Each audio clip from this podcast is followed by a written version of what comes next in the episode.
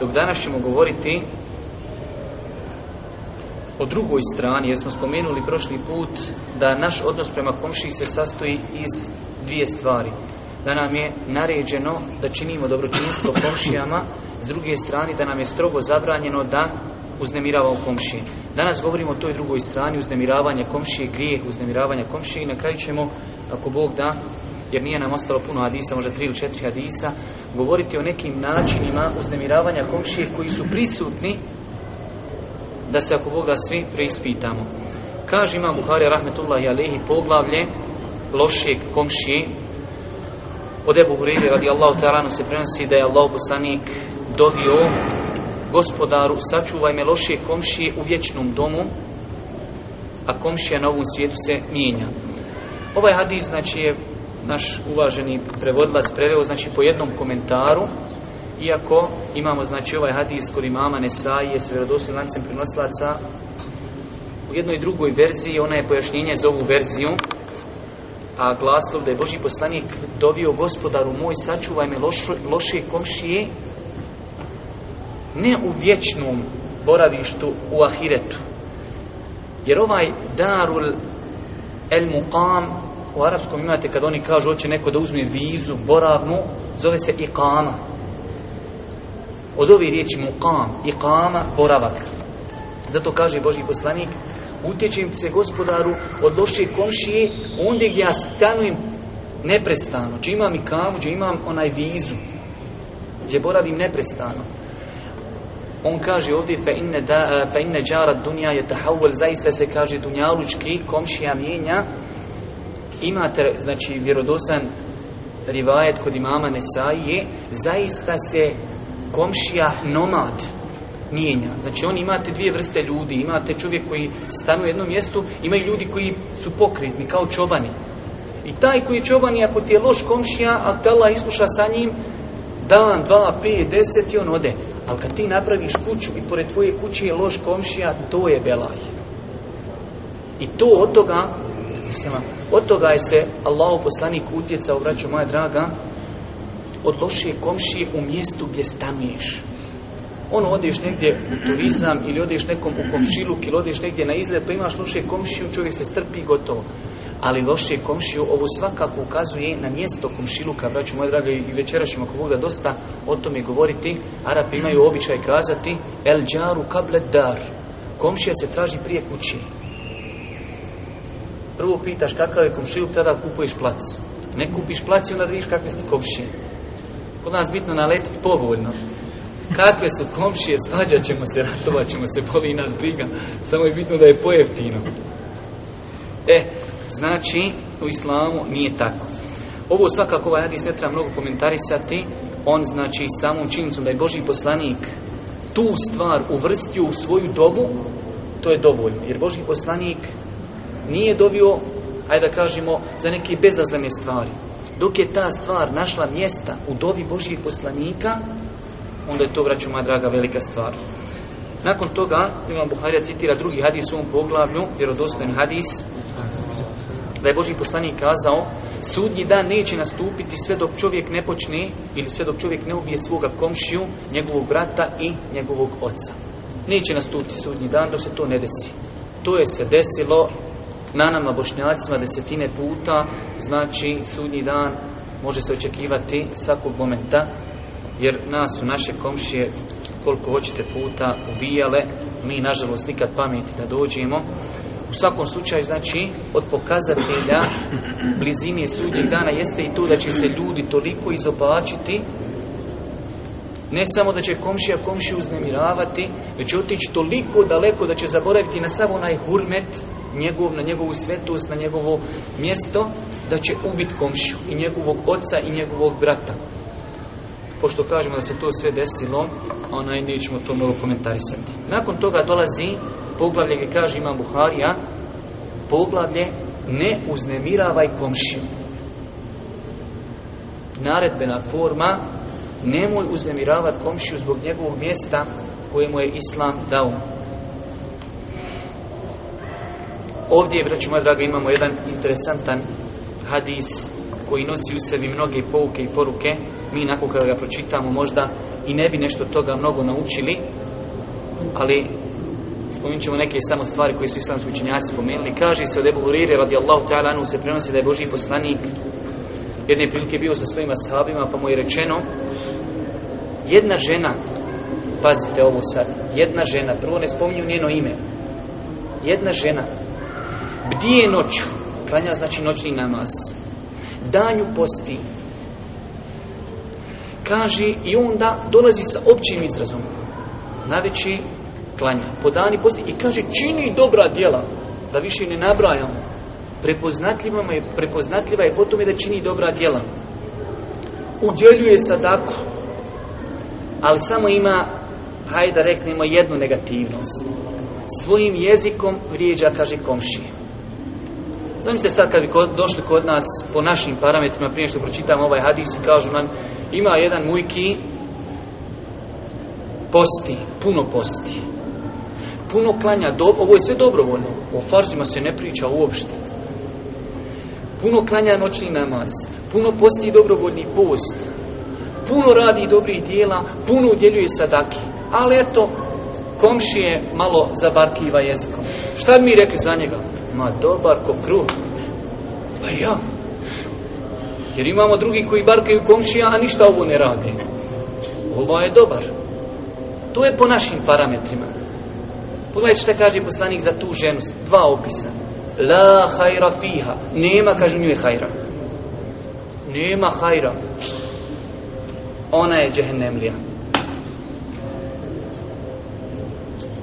Pogledajte šta su sve učenjaci izumili i uzeli iz ovog hadisa.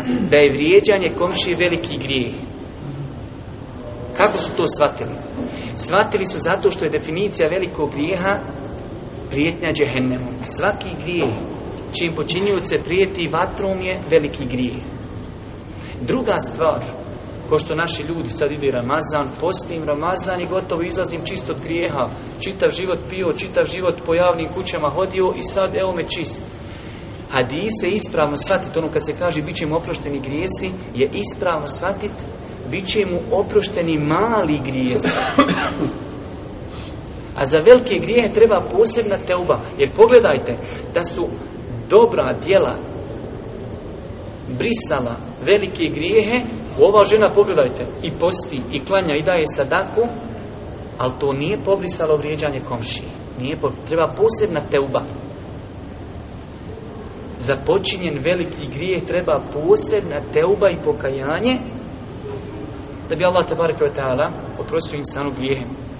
Mi imamo, znači jedno veliko pravilo Želšanu isto kaže u Kur'anu Innel hasenat yudhibne seji'at Zaista dobra djela brišu loša Boži poslanik isto kaže Učini Kada učiniš grijeh Učini nakon njega dobro djelo koji će ga pobrisati Ali se ovo misli Na male grijehe I zato ljudima treba to pojašnjavati Ko isposti dana refata Bićemo oprošteni grijesi Tamam, čitav život će biti šljokađija, krast, petljat, motat, zavrta, zavrtat i od, odim dan arifata postim i ode u džennet. Ej. Eh. Treba ljudima ispravno pojasniti ove hadise. Isto tako i Ramazan. Ko isposti Ramazan, biće im oprošteni mali grijes. A velike Boga mi nek zapisuje i nek se kaje za njih. E, dolaze sad oni Božijem poslaniku sa drugom osobom. Kaže, ima druga žena ona je se skoncentrisala na parze. Klanja ono što je obaveza. Posti ono što je obaveza. Sadaku daje ono koje je obaveza, zekijat. Nema faktički dobrovoljnih ibadita. Ali kaže, ne uzdemirava komši. Ili evo, baš kako je prevedeno, druga žena, klan, e, žena klanja propisani namaz, udjeljuje sadaku, nikoga ne uznemirava. Ne. Šta kaže Boži poslanik za nju? Ona je džennetlija. Zato, braću moja draga, ja kažem, žalosno je što mi kada držimo ovakva predavanja, ljudi kao kontaju šta ja to imam učit odnosu prema komši. I imaš učit mnogo toga zato što preko svog komši možeš u džennet i možeš u džehennem. Komšo ti može biti most, samo džennet za džennet ili džehennem. Toliko je mjesto komši i vraća moja draga. Zato kažemo i govorili smo prošli put, mjesto Edeba je veliko mjesto. I teško je naći u islamu stvar da su za nju obećani toliki sevapi, tolike nagrade i tolike deređe kao za, za lijepo ponašanje. Čovjek lijepim ponašanjem može dostići stepen postača klanjača samo neko klanja neprestano, posti neprestano, gladan, najveći stoji, otekle mu noge, ne spava, ti spavaš, pozdani, jedeš, sladolede, sve, i vas dvojica na svijednjem danu isti. Zašto lijepim ponašanjem? Najviše ljudi će ući u džennet zbog lijepog ponašanja. Najteže dijelo na sudnjem danu, lijepo ponašanje. I tako. Znači, teško je naći u islamu dijelo da se za njega obećaju takve nagrade kao što je to, vraću moja draga, lijep ahlak i lijepo ponašanje. I to ovdje što kaže Allahu poslaniku, odnosno kada su ga upitali, kažu, ali uznemirava jezikom svoj komšiluk. Vraću moja draga, mjesto jezika ili njegova opasnost je mnogo veća nego što mi možemo zamisliti.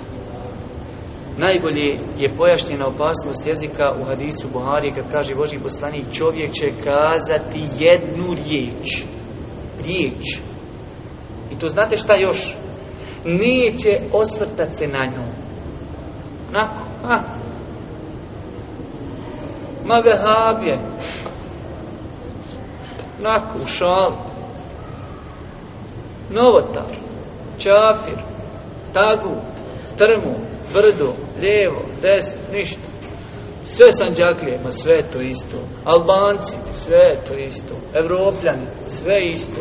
Amerikanci, sve isto. Jedna riječ, ne obraćaju pažnje. Nako, samo je lupi, ko maksim po diviziji. Kaže, bit će zbog nije bačen u džehennem dalje nego što je od istoka do zapada. To je jezik. Zato Boži poslanik kaže meni jad men li. Ko može meni garantovati? Samo za dvije stvari. Ja njem garantujem džanet. A vlasti se kad ti garantuje onaj koji ne govori po hiru svome. Boži poslanik. Ali haj garantuj. Ne moraš garantovati da ćeš dvije ovce natrtane čuvat kamol šta više. Ko mi garantuje, kaže, za jezik i za spolni organ, da će biti u redu sve to, da neće s njima harame učiniti, garantujem džennet. Je li vjera teška, Allah? Sam dvije stvari. Nema filozofije nikakve. Sam dvije stvari. Čuva jezik, čuva spolni organ, Boži poslanik koji ne govori po iru svome ti obeću džennet. I to ne obeću, garantuje. Garantuje ti džennet. I zato kažem, braću moja draga, čuvajte se, pazite se, preizbitujmo se svi zajedno. Kaže Allah poslanik, men slamete neđa, ko bude šutio, bit će spašen.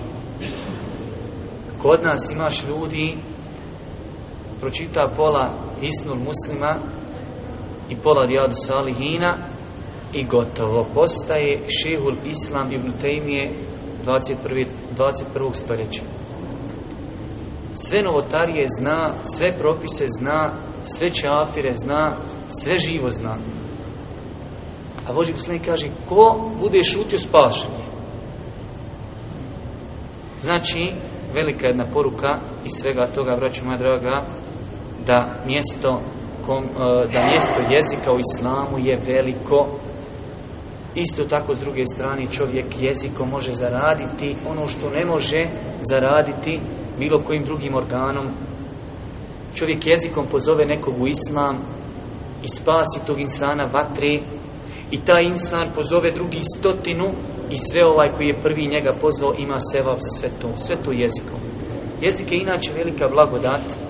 Najbolje možete shvatiti blagodat jezika da pokušaš nekom nešto objasniti a da mu to ne kažeš. Hoćeš nekom da kažeš volim te, ali hoće da mu kažeš bez jezika. Popušaj nekom i reći da ga voliš, ali da mu ne kažeš jezikom, već da mu objasniš rukama. Sam jedna reč, kaj, volim te. Kako je to lako jezikom reći? Ali pojasniti rukama i nogama, Bog zna, može pojaviti čovjek, pojašnjaš 15 minuta, on kaže, trebati kup kilu paprika.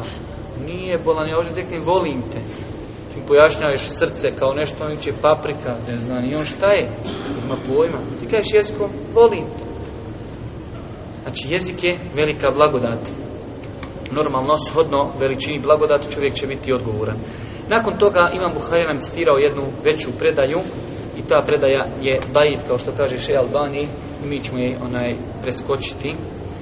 Nakon toga hadis Ebu Hureyri, da kaže Allah poslanik alaihi salatu wasalam u džennet neće ući onaj od čijeg zla nije siguran njegov komšija.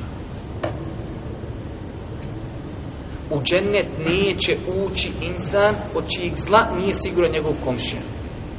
Ako ima komšija komšiju od kojih strahuje, kad iziđem iz kuće, možda će mi nešto ukrasiti. Kad ostavim auto, možda će mi ga opljačkati. I tako, ako nije siguran od njega, onaj od koga nije siguran nek se preispita.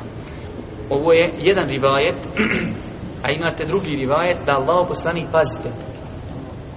On ne govori po hiru i ne treba da se kuni, ali kaže, i to ponavlja istu riječ tri puta, kaže Wallahi la yu'min, Wallahi la yu'min, Wallahi la yu'min. Tako mi Allaha, kaže, ne vjeruje. Tako mi Allaha ne vjeruje. Tako mi Allaha ne vjeruje.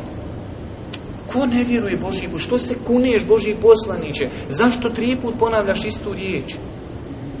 Kaže, onda kada su ga upitali, ko to ne vjeruje? Kaže, onaj od čijeg zla nije siguran komšija. Taj nije vjernik. Da, islamski učenjaci tumači, nije vjernik potpunog imana, ali ćemo mi ostaviti ovaj hadis na njegovoj vanštini, da zastraši insana onaj od čijeg zla nije sigurno njegov komšija da ga zastraši ovaj hadis. Boži poslanik kaj nisi vjernik. A ti tamo idi kod nekog safeta Kudzovića, nazove ga pa ti pojasni hadis. A dok ti on pojasni da se koža malo naježi. Nisam vjernik, kako nisam? A?